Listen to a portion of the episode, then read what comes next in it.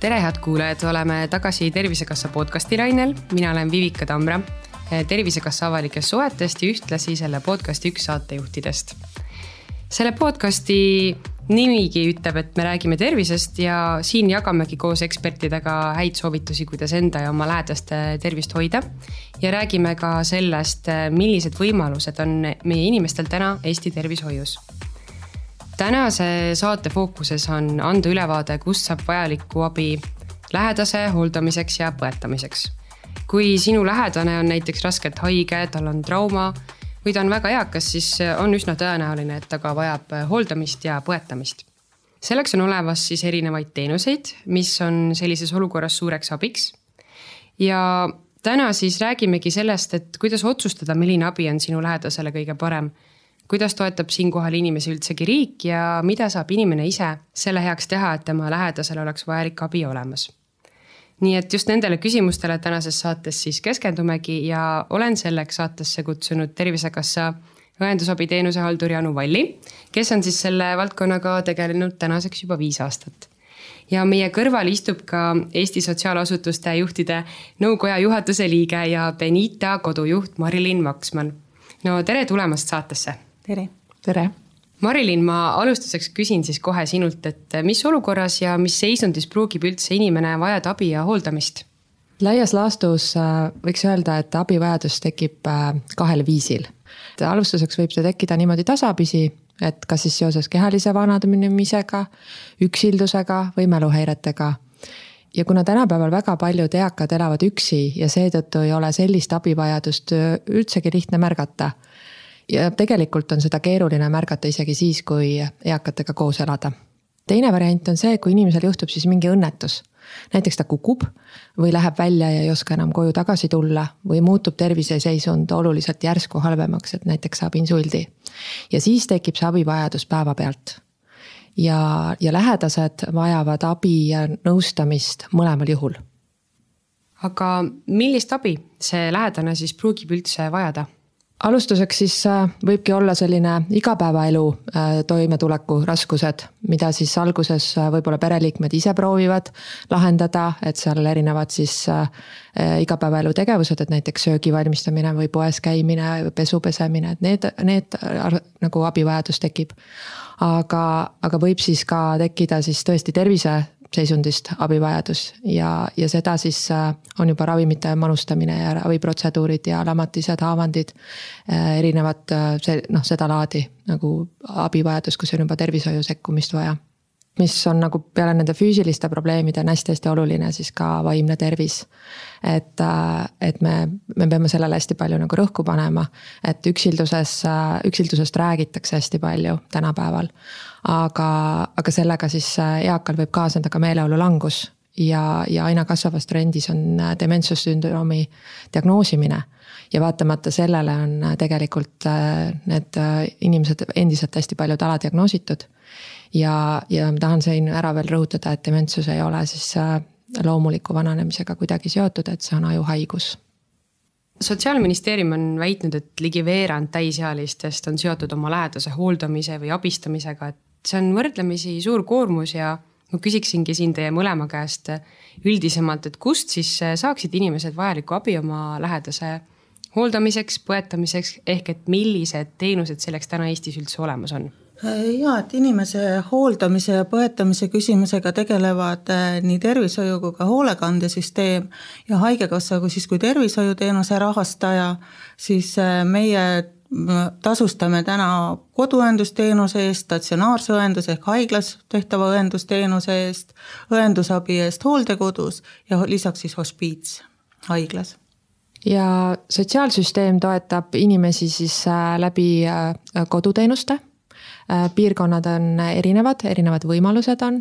ja kui koduhooldusest jääb juba väheks, et siis äh, on tõesti võimalik äh, Eestis minna hooldekodusse. et lisaks siis üldhooldekodudele on ka erihoolekandeasutused olemas no tihti saab inimene või tema lähedane ise väga hästi aru, kui ta vajab abi. kes aga aitab veel selle vajaduse üle otsustada? Meie oleme alati soovitanud, et äh, kõige esimene kontakt võiks olla kohaliku omavalitsuse sotsiaaltöötaja, sest tema teab piirkonnas pakutavaid teenuseid. Äh, ta igapäevaselt tegeleb, see on tema jaoks äh, nagu tema igapäevane töö.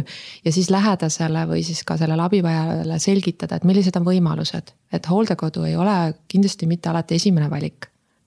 Ja tervishoiuteenuste osas siis, kes aitaks otsustada inimesel, no tervishoiuteenuste osas eelkõige ikkagi siis kas perearst või siis patsiendi raviarst, kes tunneb nagu kõige täpsemalt, mis on inimese vajadused. nii, aga räägime siis lähemalt sellest õendusteenusest, Anu, äh, mida see endast kujutab ja mis teenuseid selle raames pakutakse? no õendusteenuse eesmärk üldisem on säilitada ja võimalusel korra, äh, korral parandada siis patsiendi tervislikku seisundit ja tema iseseisvat toimetulekuvõimet ravida ja toetada siis stabiilses seisundis olevat patsienti ning vajaduse korral leevendada siis tema vaevusi.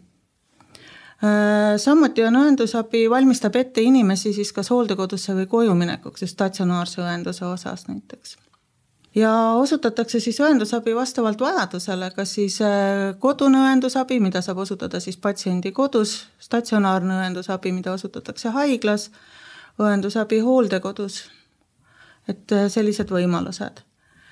et kui nüüd tulla nende juurde lähemalt, siis äh, koduõendus on mõeldud siis patsiendile, kelle tervislik seisund ei nõua haiglas viibimist, äh, kuid kes siiski vajab sellist asjatundlikku nõu ja tuge ja abistamist kuna teenusele suunab kas perearst või raviarst, siis koduõendusteenuse osutaja, koduõde on siinjuures siis lüliks perearsti ja eriarsti vahel koduõendusteenuse vajaduse selgitabki välja siis pere või eriarst ja teeb siis patsiendile saatekirja sellele teenusele.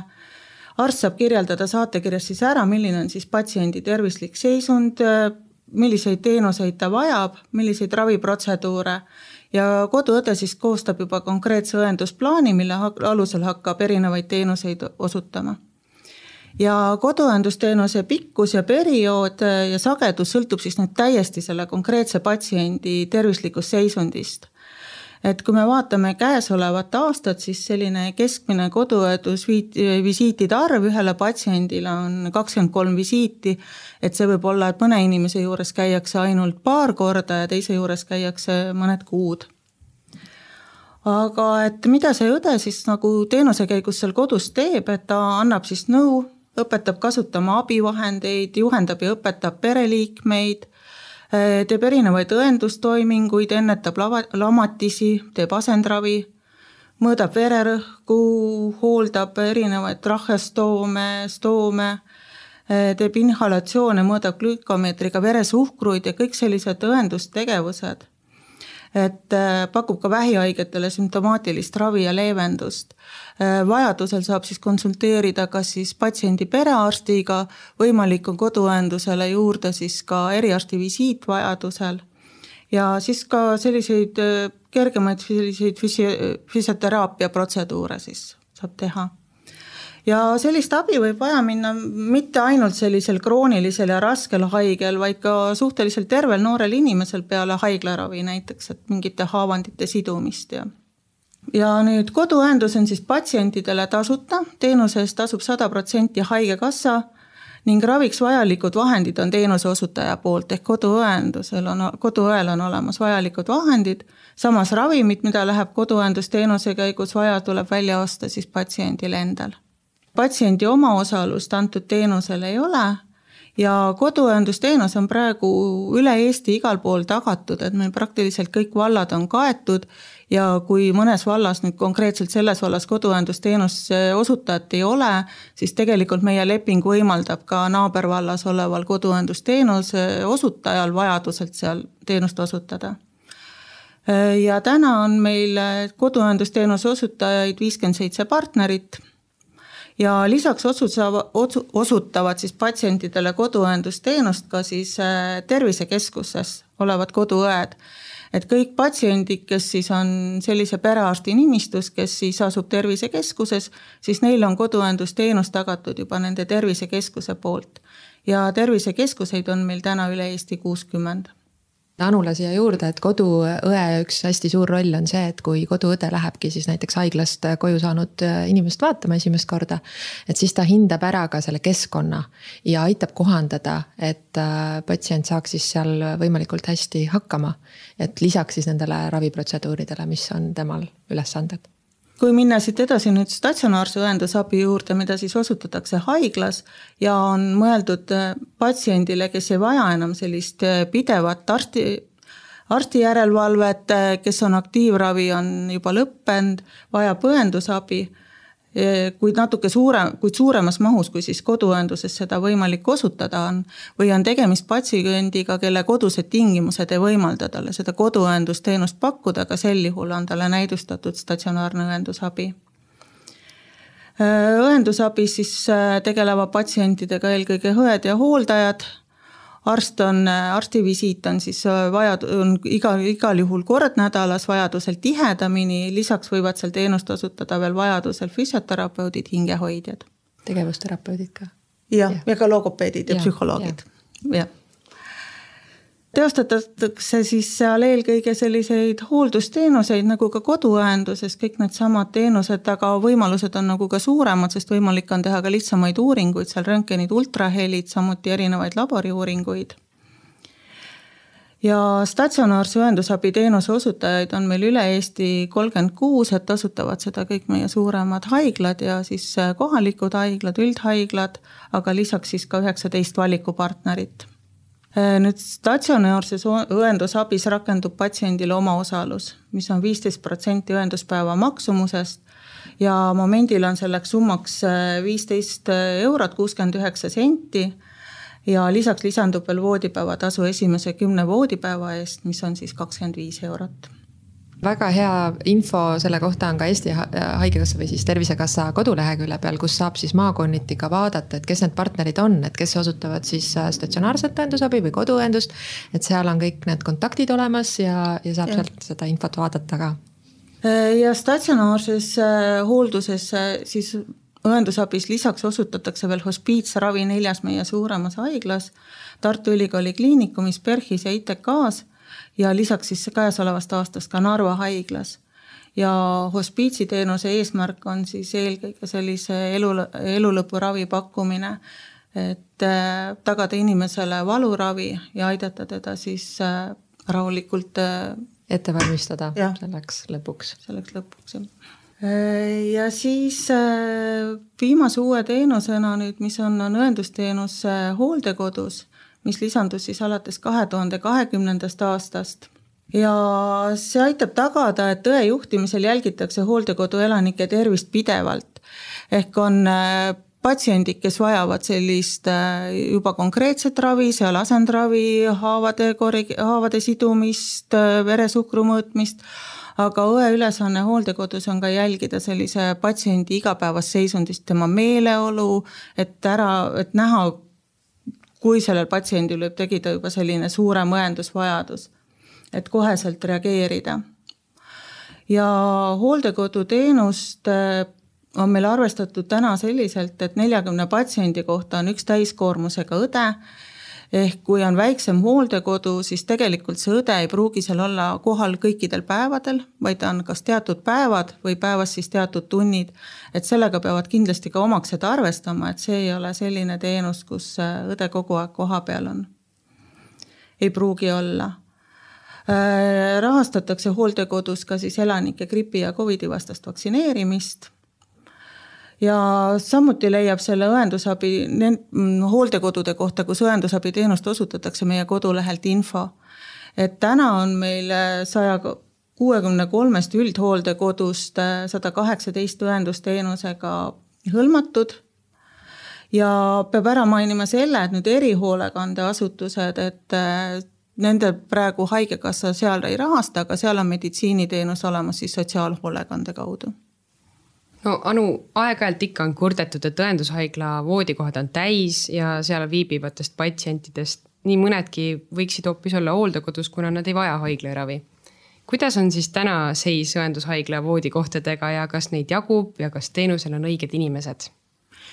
No täna vaadates hooldekodude ja õendushaiglate lepinguid, siis ma ütleks, et ma probleemi nagu ei näe ja meil ei ole tulnud ka selliseid konkreetseid kaebusi, et keegi kuskil teenusele ei pääse, et me oleme neid ka tegelikult niimoodi üksikult lahendanud väga harva, kui see meile jõuab.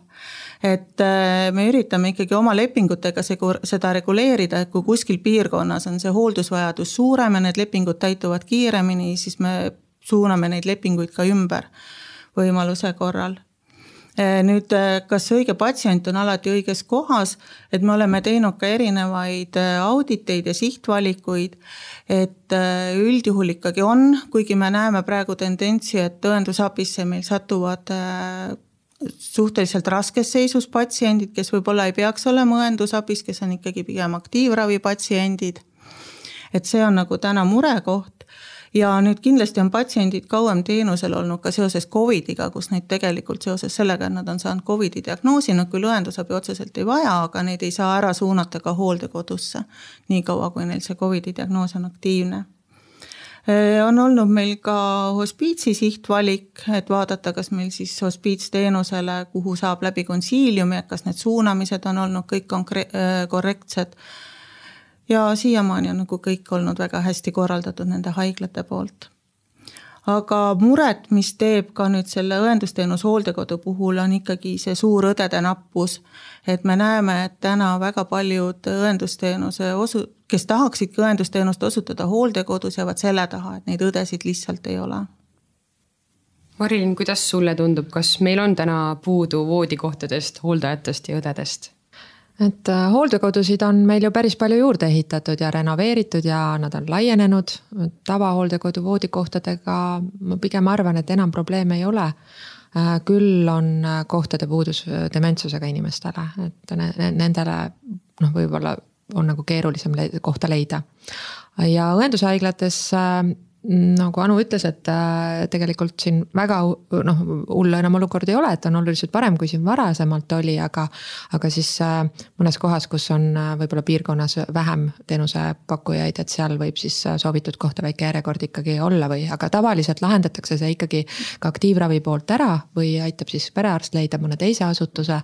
et keegi nagu abita küll ei jää, et seda, seda, seda, seda võib küll öelda aga noh, loomulikult personali nappus on äh, noh, ikka korralik, arvestades siis äh, igas muus valdkonnas, siis ka tervishoius ja. ja, ja meie suur mure on tegelikult selles, et töötajad töötavad mitme tööandja juures.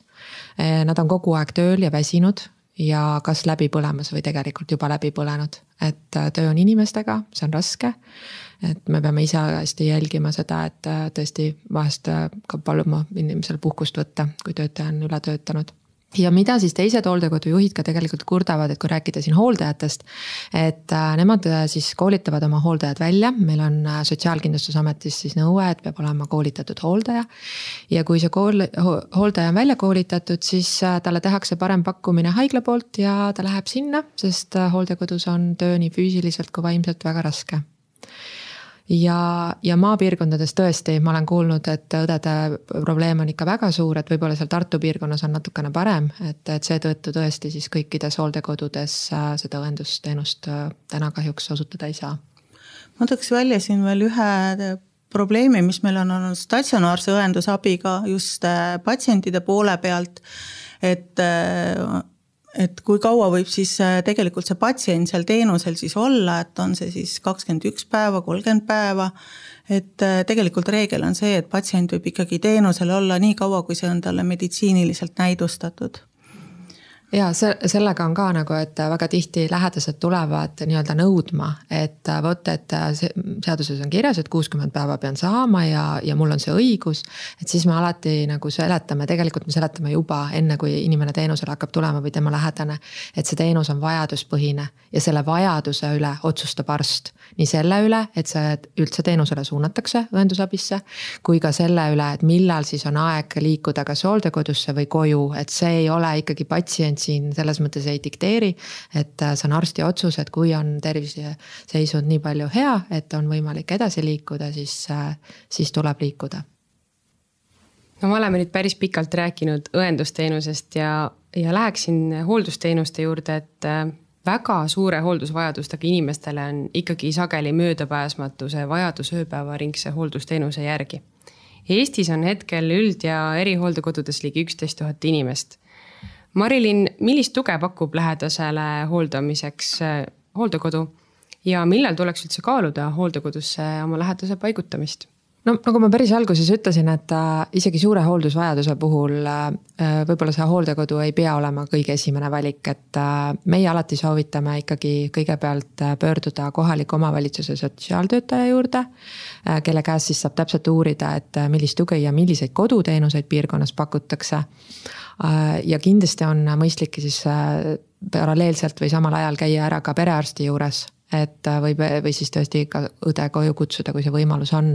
et näiteks raviskeemid üle vaadata, sest ka meie oleme näinud patsiente, kes ei ole kümme-viisteist aastat perearsti külastanud e, ja kui on siis tõesti selge, et see hooldusvajadus on nii suur, et kodus enam hakkama ei saa, et siis mina soovitan küll äh, noh, kõigepealt siis sotsiaaltöötaja käest äh, uurida, siis uurida kodulehti et mida siis täpsemalt pakutakse ja millised on nende konkreetsete hooldekodude võimalused ja kui, kui vähegi võimalik, siis äh, võiks hooldekoduga tutvumise kokku leppida ja oma silmaga minna üle vaatama, et äh, kas see, mis kirjas on, vastab ka tegelikkusele. et äh, ma olen näinud isegi välismaal sellist äh, Äh, hooldekoduga tutvumise juhendit, et millele peaks tähelepanu pöörama, et kas äh, töötajad on rõõmsad ja kas, äh, kas teised kliendid on puhtad ja, ja kuidas on lõhnaga ja kõik need asjad, et tegelikult on täitsa sellist materjali olemas. ja meie ise, meie majas näiteks pakume sellist võimalust, et nii-öelda intervallteenusele tulla, et vaadata, proovida. meil algab see nädalast ajast, on minimaalne, aga, aga näiteks seda saab ka siis siduda sellega, et pere näiteks läheb äh, puhkusereisile. et siis äh, meil on päris palju kliente, kes on niimoodi alustanud väike intervallteenusena, kuni siis üks, ühel päeval otsustavadki jääda inimeste seas on ikka levinud see hirm hooldekodude ees ja, ja paljud justkui ei soovi oma elupäevi seal veeta kas see hirm on üldse põhjendatud ja kuidas hooldekodu elanikud on toime tulnud sellise elumuutusega? Äh, hirm äh, minu hinnangul on äh, tegelikult äh, selle ees, et äh, inimese privaatsus ja otsustusvõime võetakse ära. et ta ei saa enam ise otsustada, mis kell televiisorit vaadata või mis kell süüa või mis kell puhata. et on justkui nagu mingid päevaplaanid, eestlased on üsna individualistid. väga tihti ei taheta ka tuba jagada, et noh, võib-olla siin Põhja-Eestis on seda probleemi isegi rohkem, Lõuna-Eestis vähem.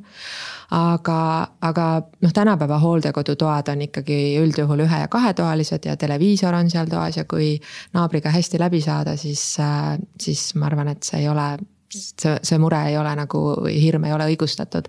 ja kui tõesti nüüd juhtub olema selline naaber, et, et kuidagi ei sobi, et, et siis üldjuhul ikkagi leitakse ka lahendus, et, et saab siis parema lahenduse leida no aga milline peaks olema üldse üks kaasaegne hooldekodu tänapäeval, et milliste teenuste järgi on hooldekodu elanikel ka endal nõudlus ja ootus? Mhm. et kui, kui me mõtleme nagu mujal maailmas, siis inimesed lähevad äh, hooldekodusse sellisel hetkel, kui nad on näiteks jäänud üksinda. Äh, nad tahavad elada seltsielu, seal on äh, igasuguseid tegevusi, tehakse tantsuõhtuid, võib-olla leiab veel mõne kaaslase. aga paraku Eestis siis need inimesed elavad veel kodus või siis käivad pensionäride päevakeskuses aega veetmas ja, ja meie inimesed tahavad olla Äh, nii kaua kodus kui võimalik, et see, see hooldekodusse tulek on juba äh, enamasti sellisel, sellisel hetkel, kui kodus enam hakkama ei saa. ja siis tegelikult ongi see hea hooldus, et äh, ollakse sõbralikud, kõik temale, sellele konkreetsele inimesele vajalikud teenused ühest kohast. et see, see on tegelikult see ootus, mis, mis siis inimestel on, kui, kui juba tullakse Marilyn, kas see, kui hooldekodus on tervishoiutöötaja, võiks ka olla hooldekodule teatud kvaliteeditunnus? Ja ma, ma tegelikult noh, meie, meie majas on olnud niimoodi, et avamisest peale on olnud tervishoiutöötaja, õde on olemas. ja ma ütlen juhina, et ma ei kujutaks ette, kui meil ei oleks. et ja, ja see in-, see inimene, kes tuleb teenusele, ta tegelikult, tema ootus on see, et tema tervisega ka tegeletakse. mitte ainult see, et teda hooldatakse ja, ja antakse süüa ja, ja lahutatakse meelt, vaid et, et ta ikkagi saab seda tuge. ja, ja noh, meil on endal päris palju selliseid nagu eduelamusi, ma ütleks, et et kui inimesed ongi tulnud hooldekodusse, nad on Äh, saanud äh, regulaarselt hakanud ravimeid võtma, regulaarselt sooja toitu, mida võib-olla kodus enam nii tihti kas ei olnud võimalik või ei viitsinud teha. et siis äh, inimesed on löönud särama, et, et oleme, on meie juureski leitud teineteist ja olen kuulnud ka teistes asutustes, nii et selles mõttes ei. mina, mina, minu, mina kogu aeg ütlen, et hooldekodusse ikka noh, tuleme eluõhtut veetma. Räägime siis lähemalt kuidas on üldse hooldekodu elanikule tagatud täna need hooldus- ja tervishoiuteenused, et kas selleks on mingi hooldusplaan, kas kohapeal on olemas abivahendid ja kuidas saab siis tervishoiuteenusele ka vajadusel minna? Tõesti jah, hooldusplaan tuleb siis äh, koostada vastavalt sotsiaalhoolekande seadusest tulenevale. ja selle me siis äh, peame koostama koostöös teenuse saajaga või teenuse rahastajaga kolmekümne päeva jooksul teenusele saabudes ja seal käsitletakse kõiki inimese igapäevaelu tegevusi, ehk siis ADL tegevusi, näiteks enesehooldus, söömine, pesemine, riietumine, tualeti kasutamine, liikumine, vaba aeg. Kõik need tegevused, millega meie igapäevaselt siis äh, hakkama saame, et äh, ja käsitleme siis selles osas, et, et äh, kus on abi vaja, kes konkreetselt siis abistab, mis määral ja kuidas seda siis kontrollitakse. Ja hooldusplaan äh, siis peaks olema selline töövahend, mille alusel siis äh, hooldaja oma tegevusi planeerib ja, ja selle hooldusplaani alusel planeeritakse ka personal kuna hooldekodudes siis sellist otsest personalinõuet ei ole, nagu näiteks õendushaiglas, äh, siis meie juhtide ülesanne on tagada piisav hulk personali, et kõik need tegevused saaksid tehtud, mis hooldusplaanides kirjas on ja iga poole aasta tagant vaadatakse see hooldusplaan üle, et äh, kuidas on, kas midagi on muutunud. E, ja hooldusplaani peab kindlasti üle vaatama ja uuendama, kui on siis äh, terviseseisundi muutus, äh, selline oluline muutus, et näiteks pärast kukkumist või hospitaliseerimist ja. et, et siis pärast seda peab kindlasti uue tegema ja seal on nagu selle hooldusplaani koostamisel on hästi suur roll ka õel, kes siis teeb õendusplaani ja vaatabki üle selle tervise poole et siin on natukene erinevalt, kuidas siis äh, asutused on lähenenud, et näiteks ka meil on, meie, konkreetselt meie asutuses on nii, et. et ka hooldusteenusele tulles peab olema perearsti saatekiri, sest me siis eeldamegi, et äh, perearst vaatab ka raviskeemi üle ja, ja need noh, need andmed on tõesed. ehk et äh, inimene ei tule meie juurde võib-olla mingi vana või vale raviskeemiga ja, ja praegu noh, kus ma ise näen nagu väikest probleemi, on see, et äh, need õendusplaanid ja hooldusplaanid nagu tihti ei haaku. et äh, need on kuidagi nagu erinevad äh, rada käivad ja seda seetõttu, et hooldusplaani kontrollib või vaatab üle meie siis Sotsiaalkindlustusamet. ja õendusplaani Terviseamet, et see on siis selline ametite erisus aga abivahendid, sellise, üldised abivahendid peavad hooldekodul endal olema, et noh, ikkagi tänapäeval on juba ikkagi funktsionaalsed voodid, kui on, kui on vajadus ja. ja erinevad lamatiste vastased madratsid ja potitoolid ja kõik, kõik ratastoolid ja rulaatorid, need peavad ikkagi hooldekodul olema. aga kui nüüd on mingi selline väga spetsiifiline või isiklik abivahend, siis seda saab Sotsiaalkindlustusameti kaudu. Nemad siis rahastavad selle tuleb teha selline abivahendi tõend ja, ja müüvad, müüvad siis abivahendeid, rentivad ja müüvad ettevõtted. ja, ja neid saab siis soet-, soodushindadel soetada ja selle kohta on ka täpsem info Sotsiaalkindlustusameti kodulehel kõik olemas aga tõesti siis tervishoiuteenused, et ongi nagu Anu kenasti rääkis juba, et see äh, üks õde neljakümne äh, patsiendi või noh, kliendi kohta siis on hooldekodus on see praegu meil selline nagu kokku lepitud. Äh, ja, ja tema siis vaatab sellist igapäevast nagu terviseseisundit. vajadusel siis mõõdab vererõhku ja, ja teeb seal muid protseduure, mida vaja on. ja, ja kui ta märkab siin ongi hästi oluline see märkamine, siis ta võtab ühendust perearstiga või vajadusel ka siis näiteks mingi eriarsti või raviarstiga. ja korraldab ka siis äh,, siis sellise kas vastuvõtu ja, ja vastuvõtule siis on natuke ka erinevalt äh, on hooldekodud korraldanud. et kas äh, transport on hooldekodu poolt või lähedane ise viib, sest äh, tavaliselt peab seal arsti juures ka siis abistama, et ja kõik selle info nagu hooldekodusse tagasi tooma. et me väga-väga loodame siin äh, e-konsultatsiooni peale, et me saaksime siin tulevikus äh, seda hooldekodus teha ja inimene ei peaks võib-olla koha peale sõitma.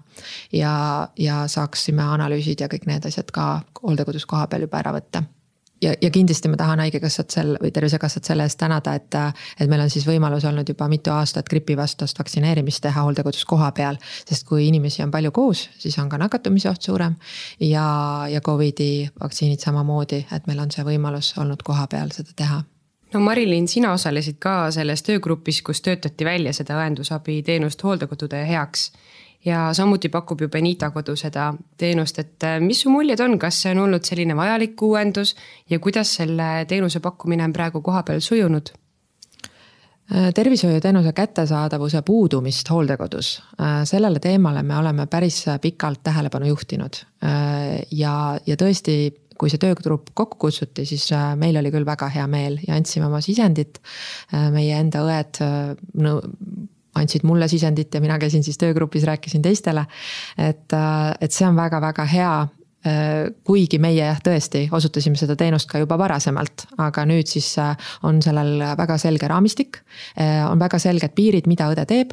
on ka väike selline statistiline pool, kus me kodeerime, et mida siis õed teevad, seda vaadatakse siis ka tervisekassa poolt üle, et milliseid siis tegevusi seal hooldekodudes rohkem tehakse nagu ma enne ka mainisin, et äh, need inimesed, kes tulevad teenusele või nende lähedased äh, ikkagi eeldavad, et nende tervise eest äh, kantakse hoolt.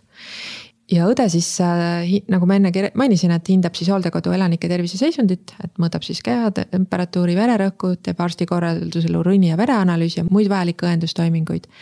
ja samuti aitab siis õde jälgida ja ellu viia arsti poolt patsiendile korraldatud raviplaani et näiteks kui tulebki äh, patsient äh, õendusabi haiglast ja tal on seal veel mingisugused korraldused antud, et siis õde saab seda koha peal teha, et ei pea kuskile perearsti juurde või kuhugi minema.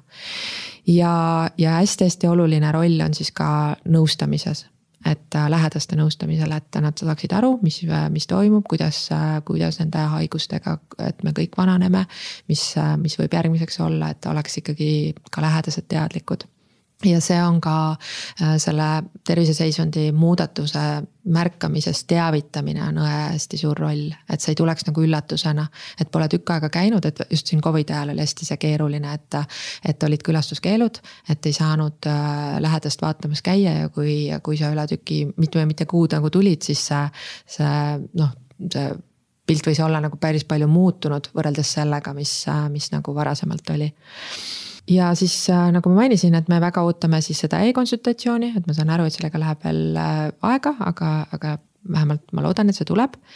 ja, ja kui me tõesti mainisin, et, et mina ei kujutaks ette, et kui meil õde ei oleks. aga ma tean äh, väga palju maal pisemaid asuvaid hooldekodusid, kus äh, kõik äh, patsiendid on kas ühe või kahe perearsti nimistus ja tegelikult nad on väga hästi hoitud. et, et siin peabki võib-olla Tervisekassaga vaatama sisse nendesse asutustesse rohkem, et, et kellel ei ole seda teenust, et võib-olla see teenus on tegelikult kohapeal juba olnud pikka aega hästi korraldatud ja polegi selle konkreetse lepingu jaoks vaja siis või lepingut vaja sõlmida, aga, aga tegelikult on äh, tervis, äh, terviseseisundid kõik jälgitud no me oleme nüüd palju rääkinud sellest, kuidas toetab äh, hoolealuseid hooldekodu. ma selle taustal küsiksin veel, Marilyn, sinu käest, et mis on üleüldse selle kõige juures lähedase roll? Hooldekodu elaniku lähedasel tuleb end kurssi viia, kuidas on hooldekodus teenused korraldatud. Mm, need on äh, hooldekoduti erinevad, et meil ei ole sellist ühtset standardit, et äh, alati on nii või naa. et tulebki sellepärast, ma juba ütlesin, et tuleb kodulehega tutvuda ja kui lepingut hakatakse sõlmima, et siis äh, kõik punktid võimalikult täpselt läbi rääkida, et hiljem võimal-, võimalikke siis arusaamatusi vältida et äh, kindlasti peaks teadma seda, et tuleb hooldusplaan koostada kui äh, inimesele või lähedasele, kes on siis teenusel, on äh, määratud eestkoste, et siis kindlasti eestkostja peab selle allkirjastama, et seda peab tutvustama ka lähedasega. seda hooldusplaani võib-olla enne jätsin mainimata, et see hooldusplaan tuleb igal juhul koostada elanikuga koos, et see ei ole mingi selline dokument, kus tehakse kuskil kabineti vaikuses ja inimene ise ei teagi, et talle selline plaan on tehtud aga kõik see, see teavitamine, kuidas, millistele, millistele telefonidele võib helistada, meil on näiteks öeldud, et ärge öösel helistage, et igal juhul helistage ainult päeval ja, ja kõik sellised asjad, et kui midagi juhtub. et siis me teame. Ja, ja tuleb siis ka selgeks teha endale, et, et mis, mis siis sinna hinna sisse kuulub, et kas siis ravima, ravimid ja abivahendid on siis et kuidas siis nendega on, et kas peab midagi juurde ostma. Ja, ja, ja ikkagi ise tuleb ka jälgida, et kui näiteks käia vaatamas või noh, näiteks ütleme telefoni teel lähedane kurdab, et mul ikkagi siit pistab, aga võib-olla ta õele pole julgenud veel väga öelda seda, et siis, siis ikkagi ka selles mõttes nagu kahepoolne suhtlus. et anda õele teada, et, et, et äkki ta siis vaatab, et mis seal siis täpsemalt on. kuidas leida kodulähedane hooldusteenus? Äh, nagu ma varasemalt äh, mainisin, et kõige paremat info omab äh, sotsiaaltöötaja kohaliku omavalitsuse oma. ma tean, et eesti.ee-s peaks ka olema kõik Eestis asuvad hooldekodud. ja, ja kohaliku omavalitsuse lehtedel üldjuhul seal, kus on sotsiaalvaldkonna mingi nupuke, et seal all on tavaliselt ka ära kirjeldatud, et millised hooldekodud siis selles piirkonnas asuvad. ja sealt siis edasi juba siis kodulehtedele minna otsima neid no me oleme kõik kuulnud, et hooldekodud on natuke kallid. no kui kulukas see siis ikkagi ühe inimese kohta võib olla, kes seda teenust vajab? Eestis on nii, et hooldekodudes äh, toimub see hinnastamine üsna erinevalt. Äh, laias laastus muidugi see jaguneb enam-vähem kaheks, et on äh, sellised hooldekodud, kus, kus kõikidele inimestele, kes teenusele tulevad, on üks hind ja olenemata siis sellest, millise abivajaduse määraga tegu on. Äh, noh, selles mõttes, et tavaliselt inimesed lähevad võib-olla nagu väiksema abivajadusega, see abivajadus ajas nagu kasvab, et siis ongi algusest äh, kuni ütleme teenuse lõpuni on kogu aeg üks hind. ja siis on hooldekodusid, kus siis hinnad, äh, hinnad sõltuvad abivajaduse määrast ja tavaliselt neid jagatakse kolmeks. et on iseseisev, osaline abi ja täielik abi ja, ja KOV osalusega hooldekodud on üldjuhul odavamad äh, oma piirkonna inimestele, sest nemad on juba selle toetuse sinna sisse arvestanud. hinna selline erinevus võib tulla ka sellest, et äh, et mis see hind täpselt sisaldab. et siin ongi jälle lähedasel hästi suur äh, nagu roll uurida välja, et äh, on hooldekodusid, kus mähkmed tuleb juurde osta. on hooldekodusid, kus äh, kõik ravimid tuleb juurde osta, on hooldekodusid, kus mingid ravimid on hinna sees, aga üle selle piiri tuleb juurde osta. ja, ja, ja see kindlasti eeldab üsna mahukat eeltööd, et välja selgitada, mida see hind sisaldab ma arvan, et täna on selle, selle hooldekoduteenuse keskmine hind kuskil üheksasada kuni tuhat kakssada eurot. ja dementsusega inimestele võib siis olla teenus kallim. kas on veel mingeid kulusid, mis jäävad lähedaste kanda? jah, üldjuhul on nii, et rets-, retseptiravimid on kas siis kas täielikult või osaliselt veel jäävad, on nagu täiendav kulu lähedasele. ja kõik sellised ilu ja heaoluteenused et äh, see sõlt-, see on jällegi väga erinev, kus midagi pakutakse. et kui me ikkagi räägime sellest, et inimene saab massaaži või individuaalseid teraapiaid äh, või äh, laseb endale lokke, keemilisi lokke teha ja, ja küüsi lakkida, siis see ei käi üldjuhul teenuse sisse või noh, ma ei tea küll kuskil, kes käiks. aga hooldekodus näiteks juuste piiramine lihtsalt selleks, et, et juuksed krae vahele ei kasvaks, see on ikka hinna sees kas äh, riik ka toetab kuidagi neid, kes ei saa hooldekodu koha eest äh, ise maksta? Riik, see siis on tegelikult kohalik omavalitsus, kelle poole jällegi tasub siis pöörduda ja nendel on, nende, nendel kohalikel omavalitsustel on väga erinevad võimalused. et äh, mina ikka tavaliselt ütlen, et on natuke kurb, et, et see sõltub, millist abi sa saad, sõltub sellest, millises omavalitsuses sa elad, et see ei ole väga ühetaoline. et on omavalitsusi, kus äh, väga toetatakse ja kui oma kohalikus hooldekodus kohti piisavalt ei ole, siis äh, äh, tasutakse ka naabervaldades või lähivaldades äh, olevate hooldekodude kohtadel, siis makstakse nagu juurde ja seal üldjuhul peab näitama siis oma sissetulekuid, näitama siis ära pensioni, et kui palju siis panustab isik ise, kui palju tema lähedased. et seda on hästi palju räägitud, et oma lähedase hooldamine ei peaks halvendama perekonna enda sellist hakkama saamist. et äh, kui on ikkagi peres väikesed lapsed, siis äh, ja või, või ütleme ka kooliealised lapsed, kes äh, tahavad trennis käia, et siis see trenniraha peaks ikkagi perekonnal jääma, et, et vanema või vanaisa hooldamise raha siis kohalik omavalitsus peaks juurde andma, aga tõesti, see on nagu erinev.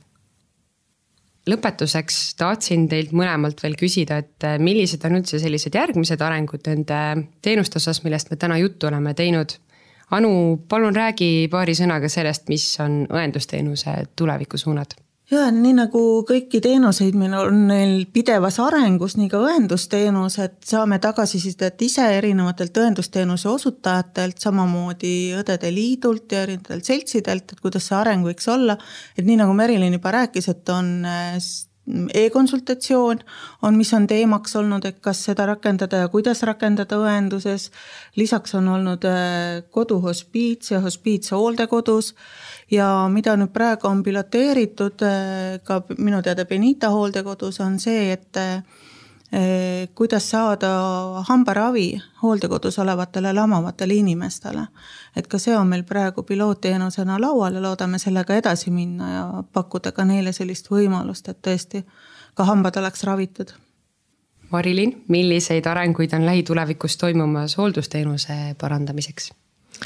Äh, kunagi ülikoolis äh, arutasime seda, et vaestes riikides hooldatakse inimesi oma kodus sest muidu muuks ei jätku lihtsalt raha ja, ja võimalusi pole. Äh, keskmistelt hakkama saavates riikides hooldatakse inimesi hooldekodudes. sest nii on ratsionaalsem, saab majanduslikult paremini hakkama ja rikastes riikides saavad inimesed jälle kvaliteetset hooldusteenust kuni hospiits, hospiitsteenuseni oma kodus ja, ja meil on hooldekodudes teenuse kvaliteet juba päris hea, aga me ei tohiks hakata neist haiglaid päris vormima et need on ikkagi inimeste kodud ja, ja loodetavasti me saame tulevikus hakata rohkem panustama koduteenuste arendamisele. nii nagu Anugi ütles, et äh, kodu, koduteenused ikkagi, et siis me liigume rikastema riikide poole. hakkame vaikselt meie tänast teemat kokku võtma. see arusaamine, millist abi hoolealune ja tema lähedased tegelikult vajavad, ei pruugigi tulla kohe ja siin ei ole ühtset retsepti oluline on siinjuures ikka ja alati nõu pidada inimese endaga, tema perearstiga ja teha siis üheskoos kindlaks, milline abi on inimesele tema seisundis parim. hooldusvajadust äh, aitab siinjuures kindlasti hinnata ka kohalik omavalitsus. ja need vajalikud ja toetavad teenused on meie tervishoiu ja sotsiaalsüsteemis igal juhul olemas, tuleb lihtsalt osata küsida.